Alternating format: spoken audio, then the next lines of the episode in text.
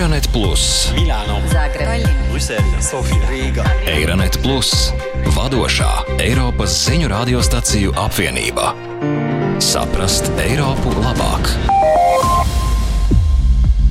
Sveicināti! Mēs tiekamies kārtējā Euronet Plus Green Deal jeb zaļā kursa raidierakstā.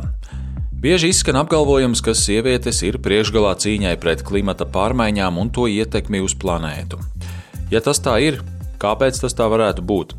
Daži apgalvo, ka tas ir tāpēc, ka sievietes ir vairāk cietušas no mūsu dabiskās vides pasliktināšanās. Savukārt citi uzskata, ka sievietēm vienkārši ir tuvāka saikne ar māti dabu. Šajā sērijā žurnālisti no visas Eiropas runās ar sievietēm, lai noskaidrotu, vai šī saikne starp dzimumu un klimatu patiešām pastāv.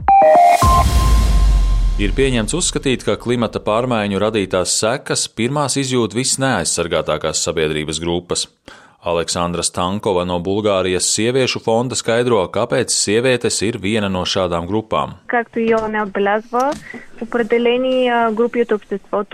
norāda apvienoto nāciju organizācija, dažas sociālās grupas, piemēram, nabadzīgie, jaunieši un vecāka gadagājuma cilvēki, kā arī sievietes, bieži vien ir vairāk pakļautas klimata pārmaiņu sekām. Kāpēc tas tā ir jo īpaši sievietēm? Viņām bieži ir zemāks sociālais status, zemāki vidējie ienākumi, tostarp Bulgārijā. Īpaši sievietes nepilnās ģimenēs, no kurām gandrīz puse dzīvo zem nabadzības sliekšņa.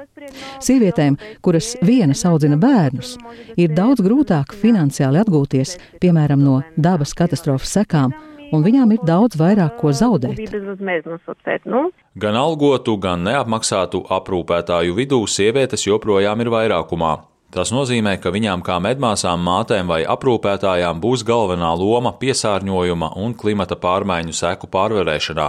Šīs nevienlīdzīgais aprūpes pienākumu sadalījums izskaidro, kāpēc klimata pārmaiņas vairāk ietekmē sievietes nekā vīriešus, norāda Tjaša Franko no Slovenijas interneta medijas Spol, kas pievēršas galvenokārt dzimumu līdztiesības jautājumiem.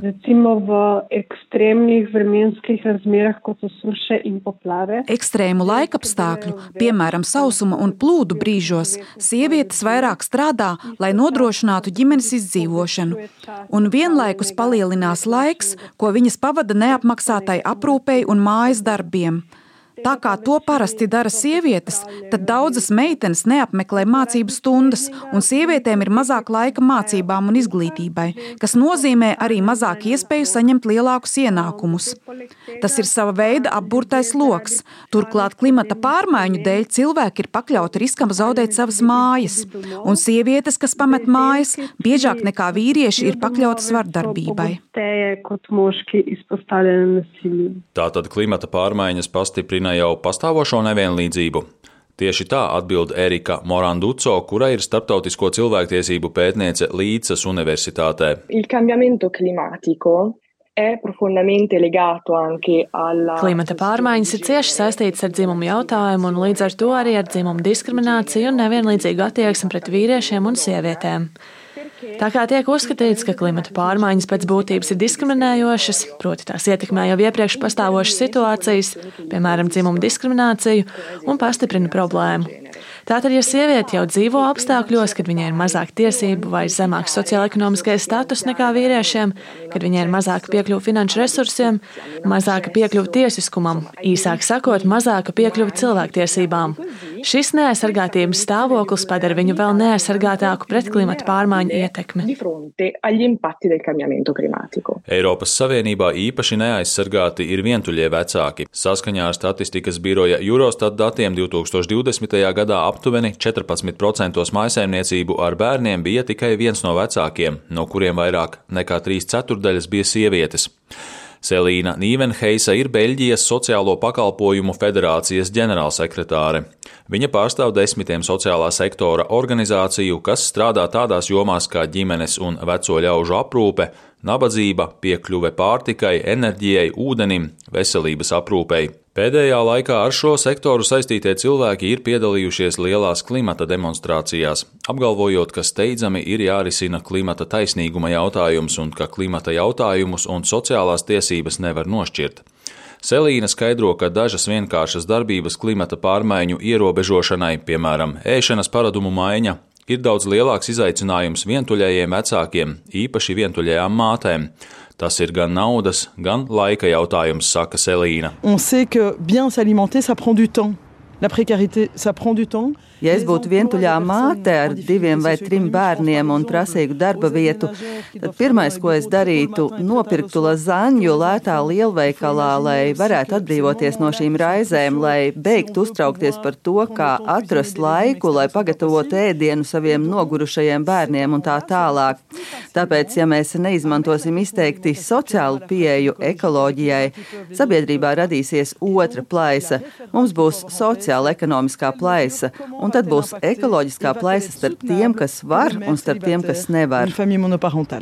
Bet nav tā, ka viss ir slikti. Sieviešu organizācijas palīdz notikt patiesām pārmaiņām, stāsta portugāliete Suzana Viseu, kura ir nodibinājusi kustību Sievietes par klimatu.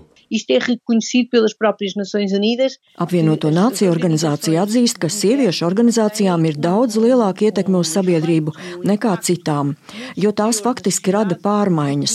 Tās ir apņēmušās izglītot bērnus un cīnīties pret nabadzību ģimenēs, tāpēc galu galā tām ir lielāka pārveidojoša ietekme uz sabiedrību nekā citiem. Tas ir viens no iemesliem, kādēļ klimata tiesību aktu izstrādē augstākajā līmenī neapšaubāmi būtu būtu jāiesaista vairāk sieviešu. Taču, piebilst Viseu, ir grūti atbrīvoties no vecajiem ieradumiem. Pat ja ir panākts progress, dzimumu līdztiesība ir mērķis, par kura sasniegšanu joprojām ir jācīnās, jo sievietes lēmumu pieņemšanā pat šeit, Eiropā, paliek otrajā plānā. As mulheres, elas próprias, muitas vezes, acabam por se autolimitar. Sievietes bieži sevi ierobežo, un šis pašierobežojošais faktors ir ļoti spēcīgs. Lai tas nenotiktu, mums ar meitenēm ir jāstrādā jau no agras bērnības, lai radītu viņās līderības garu un liktu justies ērti pieprasot savu vietu pie lēmumu pieņemšanas galda. Radot jaunām sievietēm apstākļus, lai izvairītos no sociālajiem aizspriedumiem, mēs varam mudināt viņas aktīvāk iesaistīties cīņā pret klimata pārmaiņām, skaidro Jūle Pehta no kustības Fridays for Future Freiburgā, Vācijā. Šajā organizācijā sievietes ir galvenās cīnītājas par klimata taisnīgumu. Jūle skaidro, kāpēc tā ir. Man šķiet, ka tas ir no sajūtas, ka esi sadzirdēts, kas nevienmēr notiek, it īpaši tad, ja esi sieviete. Mēs vienmēr savās demonstrācijās cenšamies radīt tādu vidi, kas ir ērta un jūtīga pret diskrimināciju. Manuprāt, tas lielā mērā ir saistīts ar to, ka iesaistās daudz sieviešu. Galu galā mēs necīnāmies tikai pret CO2 piesārņojuma pieaugumu, bet arī pret vēsturiskajām struktūrām ar koloniālo pagātni un arī patriarchālo pagātni. Iepriekš dzirdētā Jaša Franko norāda uz zinātniski gūtiem pierādījumiem, ka sievietes patiesībā biežāk nekā vīrieši uzņemas proaktīvu lomu, kad runa ir par vides politiku. Slovenija sodi med države, ki so pomirjeni. Apvienoto nāciju organizācijas attīstības programma atklāja, ka sievietes bieži vien vairāk rūpējas par vidi, atbalsta vides aizsardzības politiku un balso par tādu politiku, kas atbalsta vides aizsardzību. To apstiprina arī aktīviste un pētniece Erika Moranduco. Viņa uzskata, ka sievietes vairāk nekā vīrieši ir motivētas samazināt savu ietekmi uz vidi, jo viņām ir lielāka instinktīva interese par planētas saglabāšanu nākamajām paudzēm. Un šis fenomens ir vērojams visā Eiropā. Moranduco uzsver, ka sieviešu aktīvai līdzdalībai lēmumu pieņemšanas procesos ir izšķiroša nozīme, ja vēlamies gūt panākumus cīņā pret klimata pārmaiņām non soltanto perché loro vengono impattate dal cambiamento climatico. Ne tikai tāpēc, ka sievietes tieši saskars ar klimata pārmaiņu sekām, bet arī tāpēc, ka viņas sniedz zināšanas, pieredzi, zinātību un idejas, kas var noderēt lēmumu pieņemšanas procesā. Manuprāt, daudz piemēru ir globālajos dienvidos, kur daudzas sievietes strādā dabas resursu apsaimniekošanas jomā vai lauksaimniecībā un ir izstrādājušas veselu virkni paņēmienu, kā tikt galā ar ilgstošiem sausuma periodiem. Tāpēc viņu izstrādātā zinātība ir nenovērtējama un tā patiešām būtu jāizmanto. Taču līdz tam vēl ir tāls ceļš ejams, uzskata Slovenijas vides ministrijas pārstāve Tīna Kobilšeka. Podnebne spremembe v bistvu že povečujejo tiste Meiteņu un sieviešu iesaistīšana klimata politikas un pasākumu izstrādē joprojām ir liels izaicinājums. Klimata konferencē Eģiptē galvenie sarunu dalībnieki pārsvarā bija vīrieši. Tikai aptuveni trešdaļa no visiem dalībniekiem bija sievietes. Noslēdzot šo raidieraksta sēriju, secinājums ir diezgan skaidrs. Sievietēm joprojām ir jācīnās par to, lai viņām dotu iespēju piedalīties klimata tiesību aktu un instrumentu izstrādē, taču šķiet, ka viņas ir gatavas iesaistīties šajā cīņā. Turklāt klimata aktīvisms sievietēm ir atspēriena punkts politiskai līdzdalībai. Tas arī viss šai reizei, uz sadzirdēšanos citreiz. Eironet Plus, Milāno, Zagreb, Brisele, Sofija, Rīga. Eironet Plus, vadošā Eiropas ziņu radiostaciju apvienība. Saprast Eiropu labāk!